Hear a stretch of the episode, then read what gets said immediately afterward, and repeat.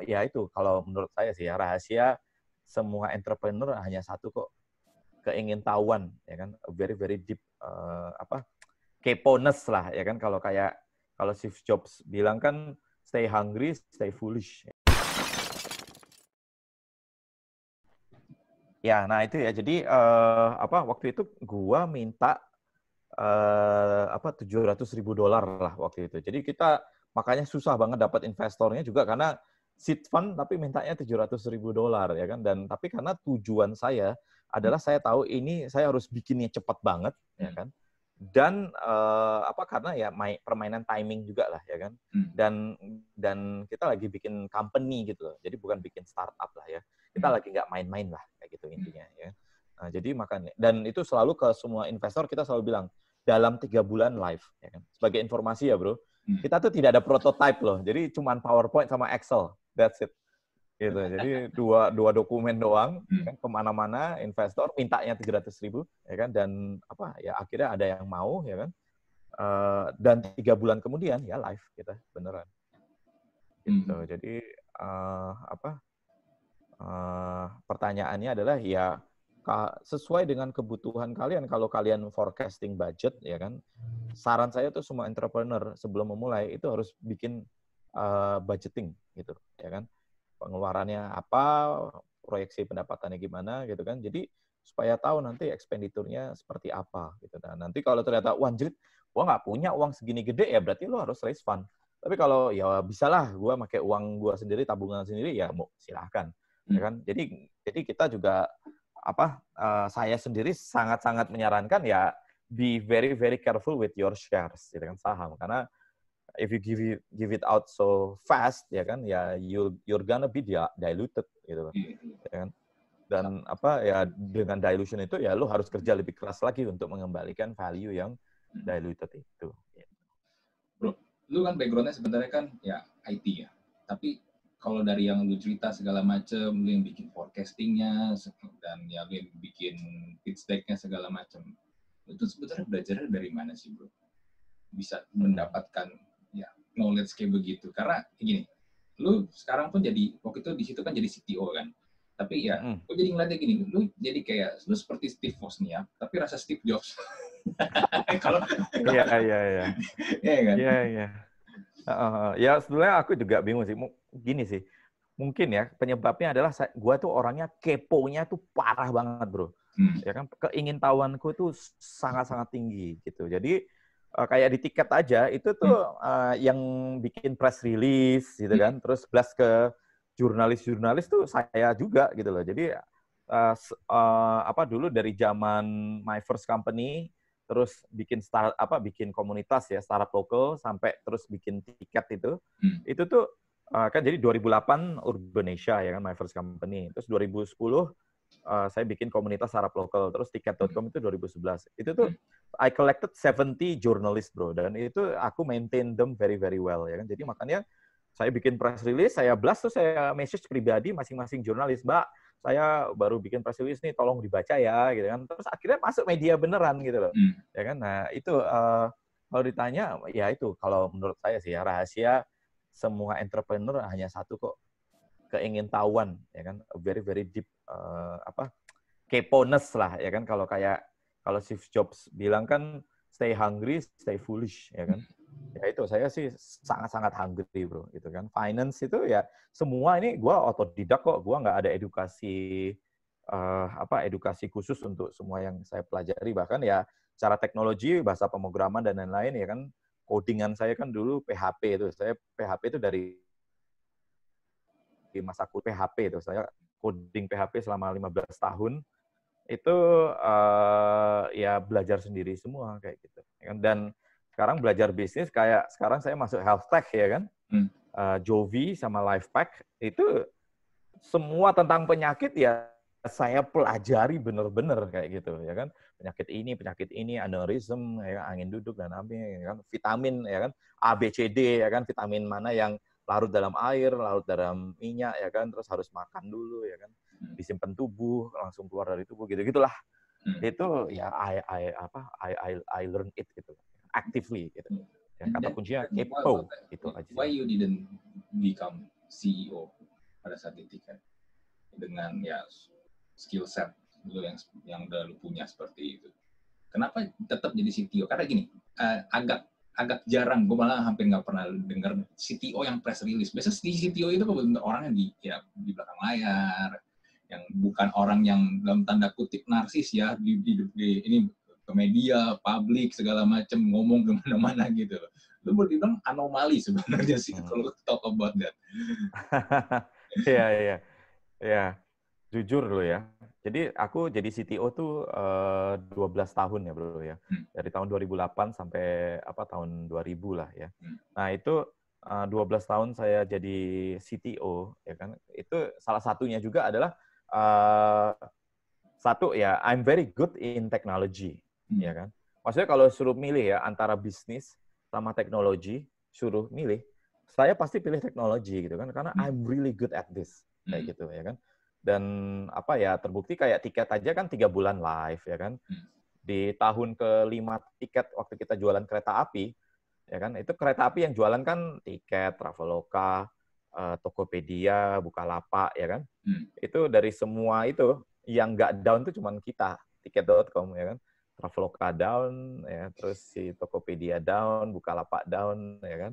Gitu. So ya secara teknologi I'm really good at it. Makanya saya saya saya selalu berpesan ke teman-teman juga kan diamond itu apa diasah gitu loh ya kan diamond diasah karena fasad itu mukanya makin banyak diamond itu makin mengkilat gitu. Hmm. tapi uh, yang lo biasa aja kayak kalau menurut saya sih ya kemampuan bisnis saya tuh nggak luar biasa ya kan saya tahu tapi saya nggak luar biasa ya itu dijadiin uh, apa uh, aset tapi bukan sebagai uh, patokan utama hmm. gitu nah dan juga di tiket.com waktu itu CEO-nya itu hebat banget gitu. Jadi CEO saya itu 30 tahun pengalaman bisnisnya, Bro, gitu kan. Beliau waktu join tiket itu usianya 64 tahun. ya kan? Hmm. Dan itu I learn a lot from him lah, cara pikir ya kan. Terus strategik dan bahkan banyak ya yang waktu itu kita komplain ya kan, Pak, kenapa kok gini-gini? Kita nggak setuju gini kan. Semua co-founder komplain termasuk saya. Terus akhirnya ujung-ujungnya beliau bilang itu gini, pikiranmu belum nyampe ya kan? And then three years later itu kejadian bro, dan benar apa kata dia tiga tahun kemudian gitu loh. Jadi waktu itu role model saya adalah beliau itu saya I feel not worthy gitu. Saya merasa ini saya masih jauh untuk belajar jadi CEO. Jadi saya tuh suka ketawa hmm. sama orang yang passionnya tuh jadi CEO gitu loh. Padahal jadi CEO itu tanggung jawabnya tuh berat banget ya kan, ya kan. Dan gampangnya gini lah ya kan. Larry Page sama Sergey Brin itu kan co-foundernya Google ya, Bro ya. Yep. Hmm. CEO-nya selama 11 tahun pertama siapa coba? Larry Page atau Sergey Brin? Eric Smith kan CEO Google. Ya. Eric Smith, ya kan? 11 hmm. tahun Eric Smith. Bahkan Larry Page, Sergey Brin pun nggak mau menerima jadi CEO, ya kan? Hmm. Kenapa? Karena mereka tahu skill mereka di teknisnya, ya kan? Di hmm. teknologinya, bukan di menjalankan company-nya. Hmm. Jadi they hire a professional, ya kan? Dan kita sangat beruntung kita punya CEO profesional gitu. Jadi ya tiket ya bisa bertumbuh ya kan sampai akhirnya ya diakuisisi hmm. gitu. Ya, bahkan da, tapi ada tapinya ya. Hmm. Ada tapinya tuh gini. Begitu saya sekarang jadi CEO, Bro, selama hmm. setahun ini. Hmm. Ya. Gua sebetulnya jujur aja nyesel juga gitu. Kenapa nggak dari dulu gue jadi CEO ya? Karena gue kayak belajar dari nol lagi gitu. Okay. Maksudnya gue kan melihat ya melihat CEO gitu kan. Saya memperhatikan hmm keputusannya apa, actionnya apa, outcome-nya positif atau negatif ya kan. It's good that we learn from other people's mistakes ya kan and experience ya kan. Tapi begitu saya jadi CEO ini a lot more a lot more experience, a lot more mistakes yang saya lakukan yang banyak yang juga kadang kecil-kecil gitu. Ya kan? Jadi jujur aja wah kenapa nggak dari dulu ya jadi CEO.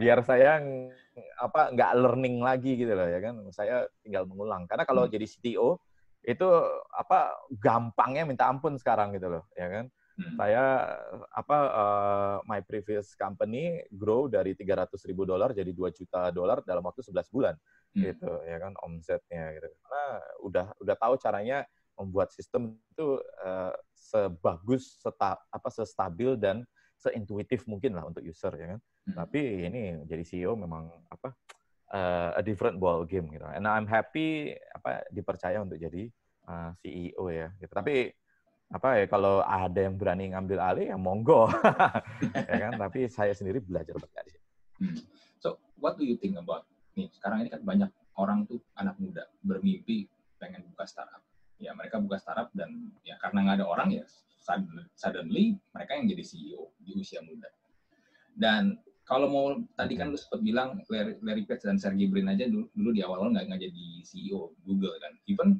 kalau kita juga lihat Steve Jobs pun di awal-awal dia bukan CEO Apple bukan dia kan dia nunjuk orang lain kan buat yang jadi incas jadi hmm. CEO-nya Apple. Nah, hmm. gimana lu lihat fenomena anak-anak masih muda baru lulus kuliah masih umur 20 jadi CEO? Iya, gini ya kalau menurut saya ya. Hmm. Nggak apa-apa gitu, nggak masalah. Cuman mindsetnya harus benar. Gini, 90% startup will fail in five year, ya kan? Hmm. 90% startup gagal dalam waktu lima tahun, ya kan? gede banget kan, berarti itu rasionya 9 banding satu, satu yang berhasil. Nah, ya mindsetnya tapi harus berani gagal. itu aja, ya kan? Bahwa apa yang kalian lalui ini nih ya apa kemungkinan gagalnya itu sangat-sangat besar, ya kan? Dan jangan baper gitu loh, jangan jangan sakit hati terus habis itu nyesel terus nyerah ya udahlah jadi karyawan aja lah kayak gitu-gitu, ya kan? Jangan kayak gitu. Coba terus gitu, karena uh, secara riset juga terbukti, ya kan? orang yang successful ya, entrepreneur yang successful itu average-nya usianya 45 tahun. Ya kan? Gampangnya gini lah, Steve Jobs, ya kan? Hmm. Steve Jobs itu kan mulainya dari awal juga. Hmm. Tapi beliau ya very successful ya ketika iPhone dan lain-lain kan itu di usia di atas 35 tahun. Tesla ya kan, Elon Musk itu juga usianya mungkin waktu dia memulai PayPal dan lain-lain ya kan dari usia muda kan. Tapi very very successfulnya kan juga ini kan sekarang ya kan mm-hmm. saat-saat sekarang kan yang dia jadi apa uh, apa ya bilioner ya kan nah itu juga uh, di usia yang sangat uh, senior ya kan Jeff Bezos juga ya iya. kan? Dia mulai sangat-sangat muda tapi sekarang Amazonnya gede banget ya di usia 40-an gitu. Jadi jangan kalian inilah jangan salah role model gitu loh ya kan? Maksudnya jangan salah role model gini. Kalau kita ngelihatnya kayak si founder Facebook Mark Zuckerberg ya kan? Hmm. menurut saya Mark Zuckerberg itu satu ya anomali gitu loh. Anomali itu dia satu uh, ya pinter ya kan? Tapi juga beruntung banget ya nggak hmm. Andai kan dia tidak ketemu si berapa si twin twin apa siapa ya si kembar itu hmm. mungkin nggak dia bikin Facebook belum tentu ya kan Terus mungkin nggak dia sesukses sekarang belum tentu. Jadi banyak juga tuh faktor luck ya kan. Hmm. Dan menurut saya ya Mark Zuckerberg diberkati oleh luck yang sangat besar. Nah kita yang lucknya nggak terlalu banyak ya cara ngumpulin lucknya adalah dengan melakukannya berkali-kali ya kan sehingga probabilitasnya sampai exhausted sampai probabilitas kegagalan 90%-nya habis sehingga sisanya adalah 10% kesuksesan itu. Hmm. Hmm. Nah, Bro, buat apa -apa. diri tiket.com itu artinya apa sih buat lu? Boleh dibilang kan dari semua startup yang lu udah jalanin, tiket itu kan adalah salah satu yang hmm. boleh dibilang yang paling sukses lah. Apa sih arti tiket.com? Hmm. Hmm. Ya, ini ya kalau kalau buat aku itu tiket.com is is uh, another learning ground ya kan. Jujur loh ya, selama karir saya saya tidak pernah lebih dari dua tahun gitu kan. Karena saya tahu gini, kalau saya sudah nggak berkembang, saya move on gitu. Jadi kayak training center tadi ya, hmm. saya join September, saya resignnya Agustus, tepat dua tahun kemudian, end of August ya kan. Saya join satu September, saya pasti resign 31 Agustus. itu konsisten ya kan. Bahkan my my first company City Directory juga gitu, dua tahun juga itu.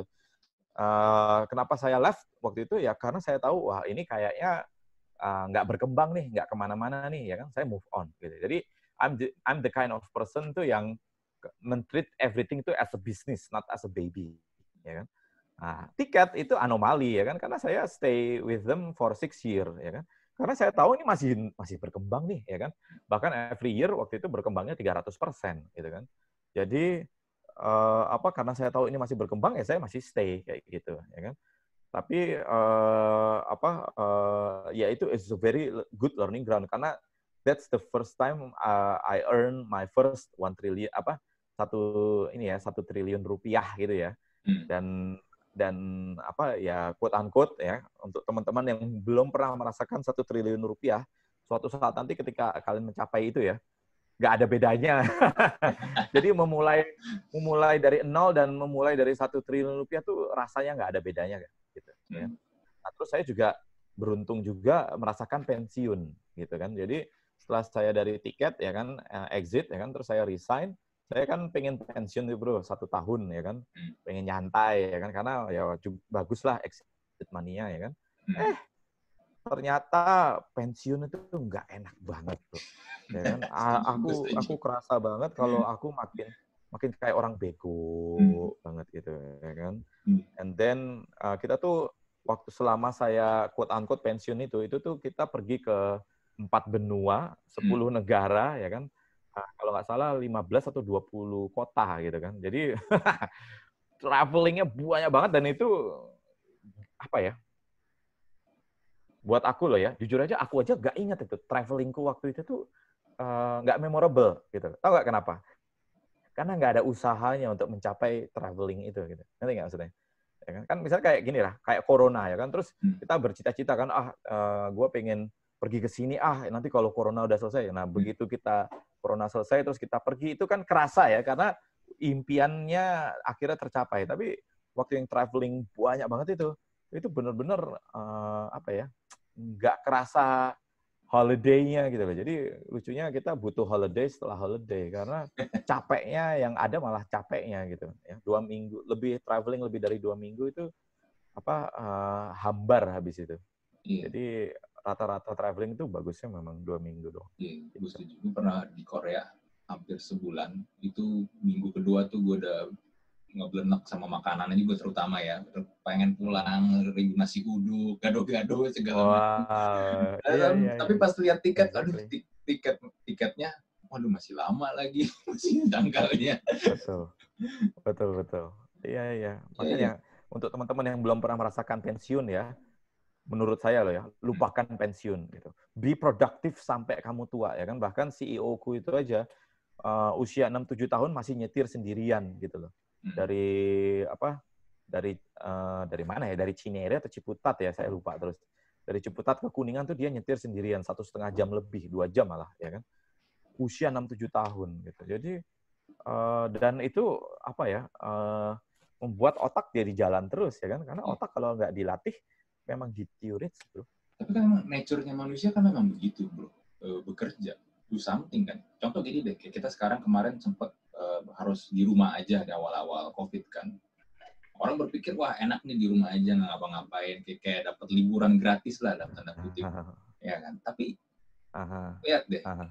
pas minggu keberapa pasti udah pada bosen, udah pada mati gaya, pengen, at least pengen bergerak gitu, pengen bergerak, pengen ke mana, ke mana, ke mana, atau pengen melakukan sesuatu Oke, kadang-kadang kalau misalnya ada orang bilang pengen pensiun muda, ya gue gue setuju sama lu sih. Gue gue gue ngerasa kayaknya itu juga bukan gue banget sih. Gue sih malah gue pengen kalau misalnya umur gue panjang nih, kalau misalnya gue ngerti sesuatu nih, gue ngerti sesuatu karena hal baru itu selalu ada gitu. Kayak misalnya kayak hmm. gue kerjain sekarang podcast ini hal baru gue gue aja mungkin kalau 50 tahun yang lalu gue gak pernah berpikir gue jalanin podcast exactly hmm. exactly dan dan gini sih bro maksudnya jujur loh ya kayak lo ini ya bikin podcast ini mungkin lo merasa ini ya cuman rekaman biasa kayak gitu ya. Tapi over over the time ya dari pengalaman saya kalau saya kita bikin konten gitulah ya kan. Dan ini konten yang uh, positif ya kan uh, nggak cuman yang hura-hura gitu loh ya tapi benar-benar yang bisa membangun kayak gitu. Itu tuh uh, bayarannya tuh bertahun-tahun kemudian gitu. Karena saya sering banget itu yang bilang tuh Pak Nat karena artikel Bapak ini nih saya jadi kayak gini gitu kan. Hmm. Wanjrit padahal saya sendiri waktu nulis itu aja cuma iseng doang kayak gitu kan. Tapi bisa mengubah masa depan manusia gitu. Jadi I think uh, uh, I can say that apa ya you are doing a really great thing gitu kan. Hmm. Either you realize it or not, tapi pasti gue berani taruhan ya, 5-10 tahun tiba-tiba akan ada yang komentar, bro ini talk to talk lo itu benar-benar waktu itu membuka pikiran gue. Gitu. Iya, iya. Uh, sebenarnya itu berkat yang luar biasa sih. Iya. Buat buat buat gue sebenarnya bensinnya itu adalah kadang kadang ya ada yang datang atau mungkin komen. Komennya sebenarnya simpel. Kayak waktu itu gue sempat ada bikin konten kalau nggak salah judulnya keperawanan seberapa penting sih buat lu. Yang ngisi kontennya adalah cowok-cowok termasuk gue gitu. Jadi kita gue sebagai cowok bahas tentang sebenarnya virginity itu penting gak sih? Ada satu cewek komen, Aha. dia bilang dia sangat terberkati karena dia berpikir selama ini cowok tuh merasa kalau cewek itu udah nggak perawan itu ya udah cewek itu ya harganya turun lah dalam tanda kutip ya. Hmm, Tapi hmm, hmm. ketika dia nonton konten gua di YouTube, dia bilang dia masih terberkati karena ternyata masih ada. Ah, jadi dia merasa ada kesempatan, masih ada cowok ternyata yang masih menghargai wanita. Even mungkin dia udah nggak perawan atau mungkin ya udah pernah berhubungan seks lah sebelumnya. Ya, itu buat gue itu, itu bensin buat gua buat wah oke okay, berarti satu orang terberkati pun buat gue ya udah hajar terus. Iya so, iya setuju yeah. setuju. Hmm. Iya yeah, exactly. Ya ini makanya ya kalau uh, aku nggak tahu purpose hidupnya Mas Andri ya, tapi kalau buat saya dan istri itu kita udah menemukan kok. Kita tuh purpose hidupnya adalah untuk apa ya, me, bukan mementor lah ya, apa ya, mengfulfill kehidupan orang lain gitu loh, memberkati kehidupan orang lain. Nah, kayak istri saya ya, itu cuma dari DM ya kan terus ada orang curhat terus istri saya kasih PR gitu kan. And then satu setengah tahun kemudian apa satu setengah bulan kemudian itu orangnya cerita bro. Kan jadi dia tuh udah berbulan-bulan sudah tidak bercinta dengan suami hmm. karena konflik gitu kan. Konflik hmm. yang berkepanjangan. Terus istri saya ya hanya dari DM doang nih padahal ya kan. Menyarankan ini terus ada dikasih PR and then ya nggak ada follow up lagi kan satu setengah bulan kemudian ya kan. Tiba-tiba dia bilang Pak apa Bu, saya ML dua kali seminggu sekarang kayak gitu-gitu ya kan. Karena ya hubungannya Pak Sutrinya sudah sangat erat kayak gitu ya kan. Itu sangat-sangat apa ya. Makanya social media itu uh, bisa jadi ajang pamer tapi bisa jadi ajang berkat gitu. Jadi untuk teman-teman jangan lupa follow jualan. At Natali Ardianto ya, follow ya. Nah, itu di situ bisa kalian belajar banyak lah tentang mindsetting, entrepreneur dan lain-lain ya gue gue gue ngikutin Instagram lu belakangan. Lu posting konten-konten yang ya gue gini gue gue follow lu udah lama. Gue follow lu udah lumayan lama lah ya, Instagram lu lah. Dan belakangan lu mau konsepnya tuh berubah tuh Instagram lu. Lu tuh kasih satu topik lu bikin slide dengan ya dengan desain grafiknya segala macem. Sebenarnya apakah itu memang purpose yang memang lu lagi cari atau memang apa sih jadi gini ya Uh, kan aku tuh uh, iri sama istri. istri followernya berapa ya? 15 ribu lebih lah gitu kan. Gua waktu itu bisa swipe up, ya? Nggak bisa swipe up. Uh, nggak bisa swipe up. Makanya jadi purpose gue adalah 10 ribu follower tapi organik ya. Hmm. Nah, uh, bukan itu sih. Maksudnya gini ya. Ini juga tips untuk para calon entrepreneur ya. Hmm. Kalian bayangin tuh gini nih ya. Uh, aku tuh pernah lihat, pernah nggak bro, lo lihat video anak bayi hmm. yang uh, majalah itu dicoba di swipe sama dia majalah di swipe nggak bisa di scroll nggak bisa gitu kan hmm. itu itu dia bingung tuh make nggak bisa make majalah ya kan hmm. karena dia udah terbiasa mainan iPad hmm. okay. ya itu bayi loh itu mungkin bayi usia satu satu tahun gitu kan hmm. Lebih apa uh, eh, 8 bulan mungkin bahkan ya kan lebih muda gitu ya kan nah itu bayi bro lo bisa bayangin nggak itu 15 tahun lagi dari sekarang itu dia seberapa tech savvy-nya, hmm. ya kan? Nah, pertanyaannya, itu calon-calon customer kita yang kayak gitu, ya jangan itu kejauhan mungkin ya, mungkin Gen Z lah, ya kan? Hmm. Itu tuh mereka ada di mana sih bertenggarnya? Di online, yeah. ya kan? Ya kan di social media di mana pun. Nah, kita sebagai entrepreneur, saya saya tahu nih, saya mungkin uh, Lifepack sama Jovi juga bukan my final destination, ya kan? Hmm. Mungkin saya nggak akan mengembangkan ini sama 10 tahun gitu kan. Kalau hmm. tiket kan enam tahun ya kan. Ini 10 tahun, mungkin malah lima tahun diakuisisi terus aku move on terus aku mulai lagi kan. Nah, pertanyaannya, kalau saya mau mulai lagi, aset yang saya miliki itu apa sih? Kalau saya tidak ada investasi apa-apa, aset saya nol, jadi saya harus mulai dari nol. Tapi kalau saya punya follower, hmm. misalnya followernya tahu-tahu ya nanti udah 100 ribu lah ya, atau 200 ribu ya, amin. Amin begitu saya memulai startup, saya sudah punya calon konsumen, yaitu 100 ribu atau 200 ribu follower saya, ya kan? Gitu loh. Jadi, jadi ini bedanya mindset seorang entrepreneur sama mindset seorang yang cuma pakai social media buat main-main ya. Hmm. ya kan? Dan saya sangat yakin ini nanti Gen Z ini, ya bukan Gen Z, generasi berikutnya, itu bahkan nanti mungkin lima tahun lagi udah masuk uh, yang apa ya, uh, ber, mulai berpenghasilan gitu loh, ya kan? Hmm Gen Z ini bahkan ya mungkin gajinya udah mulai gede karena kan usianya lima tahun lagi mungkin udah 30-an tahun, ya kan? Yeah. Itu 30 35 tahun gitu. Jadi ya, ini yang lagi lagi aku lakukan itu tuh investasi sebetulnya. Hmm. Gitu untuk my future startup ya kan? dan ya juga yang sekarang ya kan kan gue jualan juga tentang produk-produk hmm. saya gitu. Gitu, Bro. Jadi pasti ya nanti ada dua founder nih. Satu founder punya social media, satu founder nggak punya. Ini company-nya mungkin sama, tapi nanti menurut saya ya, company yang cepat maju adalah company yang foundernya itu punya akun followernya udah banyak sehingga menarik orang untuk menggunakan produk berikutnya itu lebih gampang. Ya, ya kan? Ya kayak Elon Musk lah. Hmm. Elon Musk bikin A, bikin B. Nanti dia mau bikin C, gampang nggak? Hmm. Gampang orang yang ngefans dia udah banyak. Ya, sebenarnya Elon Musk bikin Tesla, bikin SpaceX, sebenarnya orang beli bukan karena Tesla atau SpaceX sih, karena Elon Musk. Iya, itu hmm. setuju juga, ya kan? Elon Musk itu Produknya bagus, tapi Elon Musk-nya sendiri yang hmm. eksentrik, ya kan? Hmm. Twitternya geblek, ya kan? Berani banget, ya kan? Ngimeng gitu-gitu, ya. Tapi I think ini sih, apa? Uh, kita suka, ya, makanya waktu dia mau bikin sesuatu nih, ya kan? Ini bahkan, lo tau nggak bro, kalau Elon Musk itu lagi bikin, uh, itu loh uh, implant chip implant. Iya iya iya, gue gue pernah gue pernah itu. Uh, uh, ya kan itu gokil banget itu. Hmm, hmm. Bisa keyboard secara remote pakai otak gitu kan, ngetik hmm. keyboard pakai otak itu gue mimpi gue banget itu. Karena gue ngetik keyboard ini apa kayaknya lama banget gitu loh, ya kan.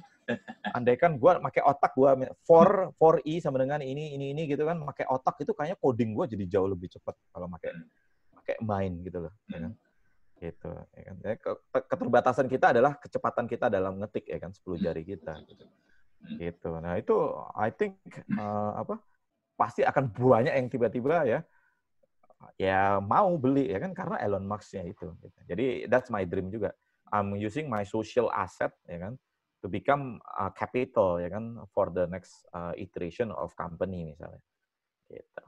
Ya. Kalau tadi pertanyaan lu, lu tadi nanyakan uh, purpose gue apa bikin podcast ini. Sebenarnya podcast yeah. gue tuh simple. Alasannya karena gue bosen dengan konten-konten YouTube dan konten-konten sosial media dan TV. TV nggak usah ngomong lah ya. TV, uh. TV, TV ya udahlah, udah itu nggak usah ngomong. Gue gue bosen karena makin ke sini kontennya makin lama ya makin nggak ada satu nggak ada variasi. Yeah. dan yang kedua ya nggak nggak ada isinya. Ya mungkin secara kuantiti banyak ya. Wow, orang berlomba-lomba oh, iya, pengen supaya YouTube channelnya dimonetize. Dan dan gue kasih tahu yeah, ya, yeah. itu ketika dimonetize di awal-awal duit itu kan nggak ada. Dia pun udah dimonetize duit itu kecil banget beneran. Nah. ya buat gue itu eh, dan to be different sekarang gini. Gue pengen bikin sesuatu yang berbeda. Karena buat gue di YouTube ini orang yang bikin konten positif itu tuh dikit banget.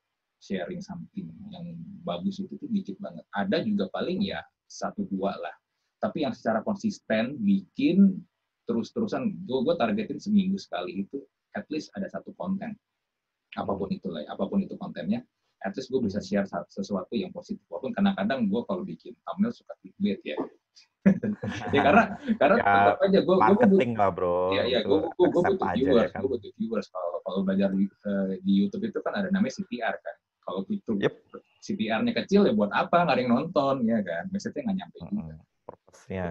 Itu itu sebenarnya yang yang yang sedang gue pengen ini sih pengen gue share sih. Karena kita nggak bisa hanya mengandalkan let's say gini lah. Uh, ada ada sekarang mulai ada banyak gue nggak bilang banyak sih. Ada beberapa youtuber kayak contoh kayak Deddy Kobusier atau mungkin kayak Helmi Yahya yang bikin YouTube yang konten-kontennya bagus ya mendidik segala macam. Hmm. Tapi kan nggak bisa hanya ngandal mengandalkan mereka doang. Hmm. Ya kan? Kalau one day mereka stop, ya udah nggak mungkin nanti hilang karena merasa ah capek ternyata bikin beginian dan jujur bikin beginian capek sih. Iya setuju. Hmm. Apalagi I think I think itu ya banyak uh, youtuber tuh sekarang tuh kan cuma mengejar viewership iya, ya iya, kan iya. dan dan itu matematikal juga loh bro maksudnya gini if you make a content every day itu hmm. penumpukan apa uh, subscribernya pasti naik kayak gitu yeah. jadi Hmm. mereka udah nggak peduli isinya apa, yang penting harus bikin konten gitu. Hmm. Dan Betul, itu yang memang dan, harus dan YouTube. Ke sini kan ya kalau kita ngobrol ngobrol juga tentang digital marketing, makin ke sini kan marketing konten itu kan makin lama ngomongnya angka, angka, dan angka terus kan. Sedangkan sebenarnya kalau talk about content and marketing itu nggak hanya sekedar angka. Iya kan? Iya iya. Ada, Tapi ada, harus legowo loh bro. Iya viewernya nggak lebih banyak dari orang yang ya kontennya populis. harus ya. terima itu kan. Ya, uh, gue suka waktu itu Panji sempat bikin konten dia bilang better you to be be different daripada hanya just be just better. Ya, ya. So makanya ya gue jalan terus, gue lanjut terus. Apalagi ya selama gue bisa memberkati satu orang, prinsip gue gini, satu hari gue bisa memberkati satu orang, even sesimpel sesimpel apa pun ya buat gue, ya, ya itu itu purpose gue. Iya, yeah. hmm, setuju. Ya pokoknya purpose-nya clear. Karena kalau memang purpose-nya follower ya kan atau viewership ya don't make apa konten yang berat. Ya kan karena itu apa percuma gitu. Nanti apa uh, ya kita yang sendiri yang kecewa. Tapi kalau purpose-nya adalah saya pengen memperkaya orang lain ya kan itu ya berkat itu nanti datangnya dari tempat lain lah. Aku aku tuh jenis orang bukan percaya karma ya tapi saya percaya semua usaha yang kita keluarkan pasti akan kembali kok gitu loh jadi jangan jangan sampai kita terlalu perhitungan ya kan apa pun yang kita lakukan buat orang lain buat ini itu kalau dihitung ya wah gue udah kerjain segini banyak gue nggak mau lagi ya kerjain wah itu berkatnya mulai berhenti deh kalau kayak gitu. Ada ada hukum tabur tuai kan, you reap what you sow. Ya. Ah, iya iya. Iya ya, itu itu salah satu ayat yang saya sangat suka gitu dan dan gini loh, uniknya ya, sebetulnya ya di tabur dan tuai, lo tau nggak yang lo tabur tuh apa, Bro? Biji iya. kecil. Tapi yang lo tuai itu gede banget dan hmm. banyak satu biji itu bisa hasilnya banyak. Jadi uh, kayak buka pintu gitu loh, ya kan? Lo cara buka pintu pintu kan gede nih. Hmm. Tapi untuk buka pintu pakai apa? Pakai kunci. Kuncinya gede atau kecil? Kecil. Jadi sebetulnya ya, kita tuh apa pun yang kita lakukan, walaupun kita pikir ini sangat besar, nanti dibalikinnya itu jauh lebih besar lagi. Hmm. Gitu. Jadi makanya memang dulu ya kayak inilah kembali lagi kayak ketika itu itu kerja kerasnya parah banget itu begadang terus ya kan gue tidur tuh setiap hari jam 3 malam bangun jam 7 pagi for Eh, empat tahun berturut-turut itu gue strict tidur jam 3 bangun jam 7 ya kan terus ke kantor kerja kayak kuda ya kan hmm. Kalau weekend apa uh, Jumat tuh biasanya aku pacaran sama istri ya kan nonton midnight jam 12 itu terus tapi balik lagi ke kantor ya kan. Di situ masih banyak karyawan aku tuh di kantor ya kan masih ngobrol masih discuss kayak gitu-gitu. Jadi they all work hard really really hard nggak ngitung waktu ya kan. Dan ya terbukti hasilnya ya kan. Tiket bisa sebesar itu ya kan malah sekarang terberkati lagi kan. Nggak ada yang di PHK ya kan. Hmm. jadi aku happy banget lah eh kalau nggak salah hari ini berulang tahun ke sembilan ya? Tadi oh iya. di iya. Iya iya iya. -uh. Agustus uh -uh. iya. Iya ultah well bro terus sekarang kan gini lu sekarang lu switch ke Caltech. Uh, masalah gue waktu itu terakhir kali ketemu pas di kantor lu tuh uh, lu kan even namanya pun belum ada live tech dan Yopi uh -huh. pun waktu itu dulu bilang gue, belum gue belum tahu namanya apa ya kan iya yeah, iya yeah. Kan, kenapa sih lu berpikir untuk karena lu bilang sama gue gue masih ingat banget tahun 2020 adalah tahunnya health tech setelah fintech kan setelah masanya uh -huh. uh, yeah. itu memprediksinya atau memang ya kalau lihat 2020 sekarang ini kan ada covid ada pandemi ya itu kan sangat berhubungan dengan kesehatan. Apakah lu memang udah melihatnya? Apakah mungkin lu seperti Bill Gates ketika 2015 meramalkan ada pandemi? oh iya. Enggak, jadi jujur aja uh, dulu in my previous company ya, peluang itu tuh ya kan fintech itu lagi naik-naik daun ya kan. Tapi aku memang bisa merasakan health tech ini ini is going to be like really really good in the coming year. Karena perasaannya itu sama seperti waktu saya memulai tiket gitu, Bro. Gitu persis banget gitu. Kerasa kok. Pas, uh, apa uh, mungkin ini sensitivitas entrepreneur ya, hmm. ya kan? Tapi saya saya bisa ngerasakan ini ini bakalan gede ini karena uh, satu ya kita di health tech itu kan sudah ada satu yang udah gede banget ya kan Halodoc ya kan. Ya, betul. Terus racing fund-nya udah luar biasa ya kan. Hmm. Itu tuh udah indikator kok gitu. Ya kan dan uh, apa uh, jujur yang approach saya itu sebetulnya banyak banget gitu loh. Yang nawarin macam-macam nawarin invest kamu aja kamu ide apa aja nah pokoknya gue yang invest itu banyak ya kan? Ya kan? Tapi akhirnya saya memutuskan health tech ini ya karena satu co-founder saya uh, namanya Pak John Quarry itu tuh beliau itu ya berkecimpung di kesehatan di Amerika dan Kanada selama 40 tahun bro gitu kan? Hmm keluarga besarnya dia tuh apa apoteker semua ya kan. Beliau sendiri udah pernah exit ya kan company-nya yang sebetulnya exactly the same as what I'm doing right now. Jadi sebenarnya tinggal replikasi gitu kan. Hmm. Itu ingredient-nya ya kan. Dan uh, saya kekuatannya kan yang memang teknologi. Jadi memang ini produknya very very uh, high tech ya kan. Hmm. Jadi kombinasi teknologi dengan pengalaman uh, health itu itu udah sangat-sangat bagus lah gitu kan. Hmm. Jadi aku confident banget untuk jalanin uh, this this apa this uh, industri itu. Dan yang terutama itu tuh uh, from my learning ya bro dari my first, second sampai fifth ini. My first itu tuh uh, social ya kan. Hmm. Kayak social media lah. City Director itu kan kayak hmm. social media. Jadi revenue lo itu kan bukan dari penjualan, tapi dari ads dan lain-lain ya kan. Nah, itu pokoknya tips saya untuk teman-teman ya, kalau mau mulai something dari nol, jangan mulainya social media dulu lah. Ya. Capek ya kan karena karena lo harus bikin traction dan itu biasanya hitungannya tahunan. Jadi lo mengencangkan ikat pinggang selama bertahun-tahun ya kan tanpa revenue. Ya kan karena viewer itu tuh kalau lo belum sampai certain million, gak akan ada advertiser yang tertarik gitu. Urbanesia aja itu viewernya sebenarnya uh, apa page view-nya tuh tinggi banget tuh ratusan juta ya kan tapi itu aja pengiklannya seret banget gitu bahkan omsetnya waktu itu cuman apa 10 juta per bulan. Sedih banget ya. Nah terus makanya habis itu aku learn ya akhirnya nextnya adalah e-commerce terus gitu. Jadi e-commerce nah. Terus dari masing-masing juga gitu what I learn ya cari yang marginnya gede gitu. Karena karena effort tuh untuk running company margin kecil dan gede itu sama persis. Jadi ngapain lo margin kecil ya? Karena eh, apa ya contoh lah ya. 100 miliar 100 miliar. Tapi yang ini margin 5 persen, 5 eh, miliar. Yang ini marginnya misalnya 50 persen, hmm. ya kan? Dua apa 50 eh, miliar, gitu kan? Tapi waktu yang dibutuhkan untuk mengembangkan produknya itu sama, gitu. gitu. Jadi don't waste your time on apa industri yang marginnya terlalu kecil karena itu apa uh, kalian berarti harus mass, harus scale-nya harus gede banget. Dan mass dan scale yang gede banget itu impact-nya juga secara teknologi ya, ongkosnya mahal gitu kan. Tiket waktu saya tinggalkan itu ongkos servernya semiliar sebulan gitu. Wow, satu miliar hanya untuk server ya, belum yang lain-lain. Hmm. Hmm. Hmm.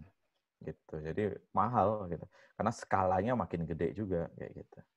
Ya, jadi itu tips saya sih ya kan untuk teman-teman kalau mau memulai cari yang marginnya gede dan health tech itu marginnya lumayan gede lah. Bukan services tapi marginnya gede. Gitu kan. Yang paling gede kan memang service ya 100% untuk lo. Hmm. Gitu. Uh, terus kenapa sih lu concern banget sama dan lu suka banget mentoring para gue, gue sering lihat kan wah lu lu lu lu membuka siapa pun kalau emang pengen lu mentor please come ya tapi asal mentorable gue sering mm -hmm. dengar dulu ngomong dia gitu kan di mm -hmm. sosial media lu pun dulu juga sering banget mention tentang itu mm. Kenapa sih? Memang memang lu memang apa apa yang lu cari dengan lu mengembangkan startup startup di sekitar lu itu? Apa lu pengen bikin sistem kayak Silicon Valley di Amerika atau gimana? Enggak jadi gini bro.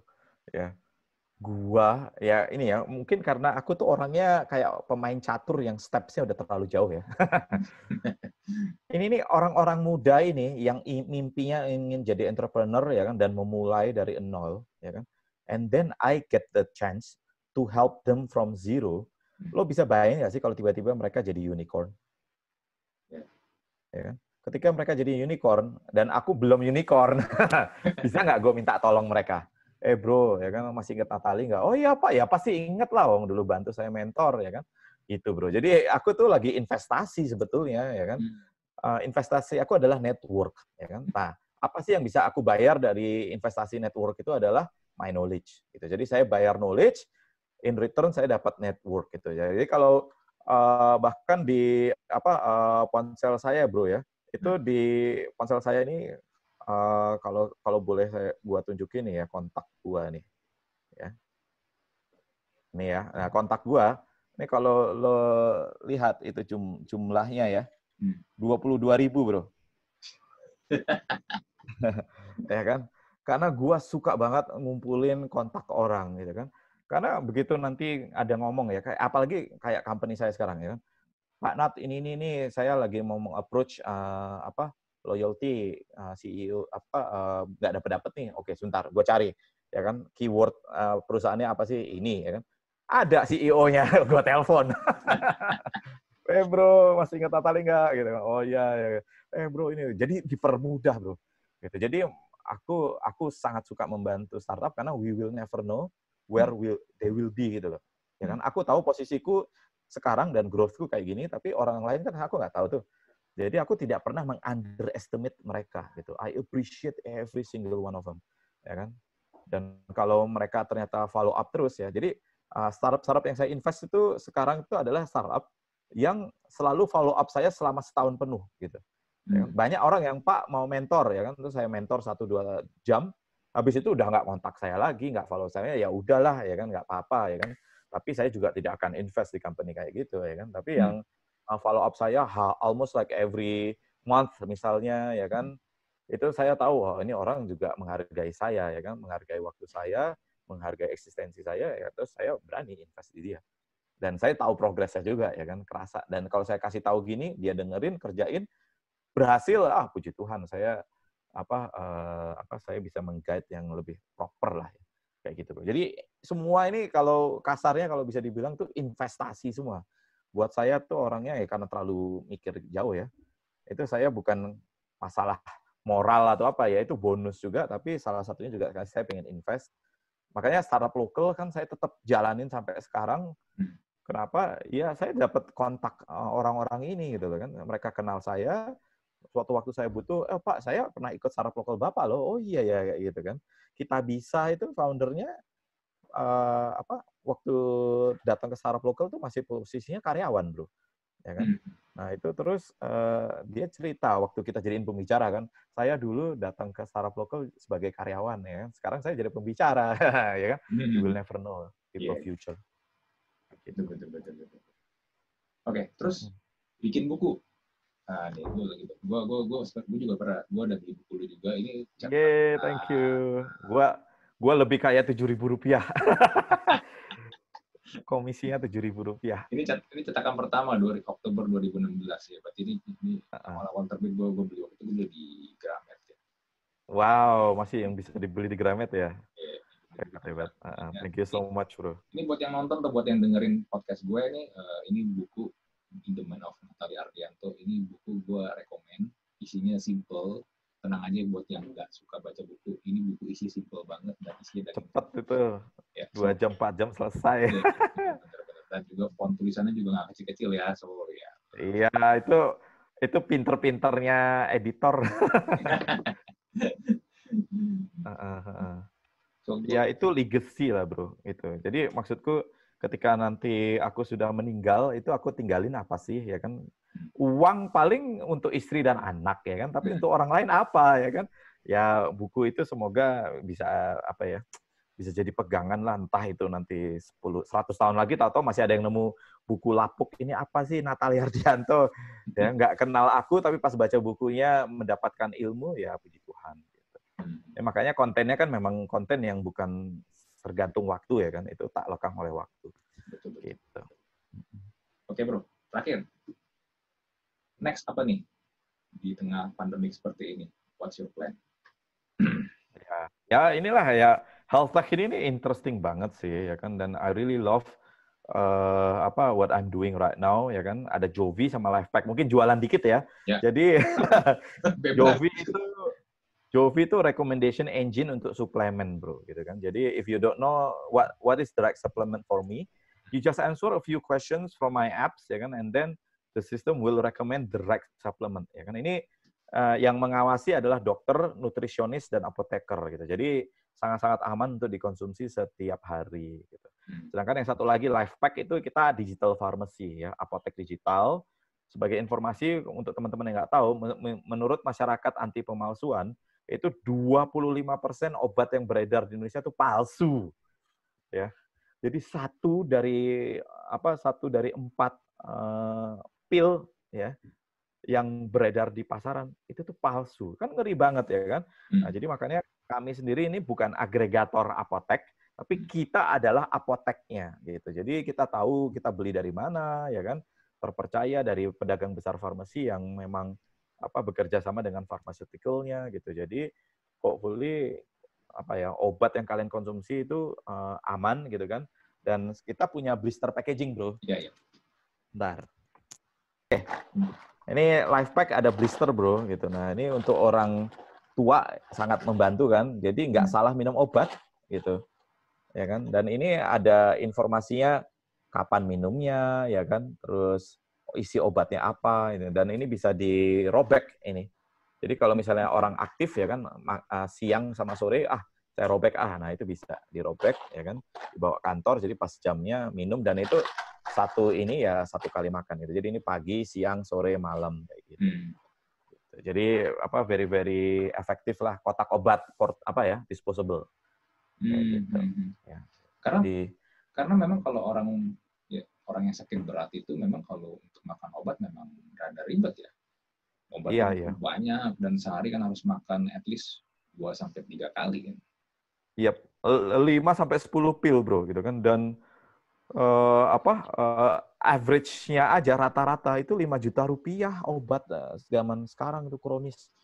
Ya kan? Jadi ngeri banget mahalnya go gokil banget sih zaman sekarang. Itu kalau teman-teman nggak punya asuransi sih gila game over sih yeah, iya. ongkosnya yeah. ya kan kayak gitu jadi uh, apa Indonesia ini bro penyakit kronis tuh ada 61 juta orang di Indonesia yang hmm. menderita penyakit kronis seperti kolesterol, hipertensi, jantung, stroke, ya kan diabetes dan beberapa penyakit lainnya itu 61 juta.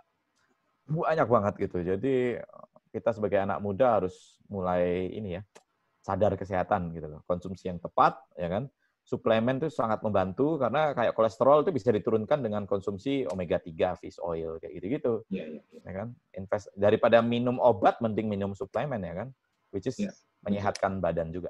Mengencerkan otak juga itu omega 3 itu kan membantu clear things out gitu loh. Karena dia ada kandungan yang agak mengencerkan darah sehingga uh, ya sirkulasi lancar ya dan kita jadi lebih jernih dalam berpikir. Lah pokoknya. Ini ini saya juga jujur aja agak nyesel sih belajar tentang kesehatan baru setelah memulai health tech ya kan. Andai kan dari dulu mungkin I can become a very very health freak juga gitu.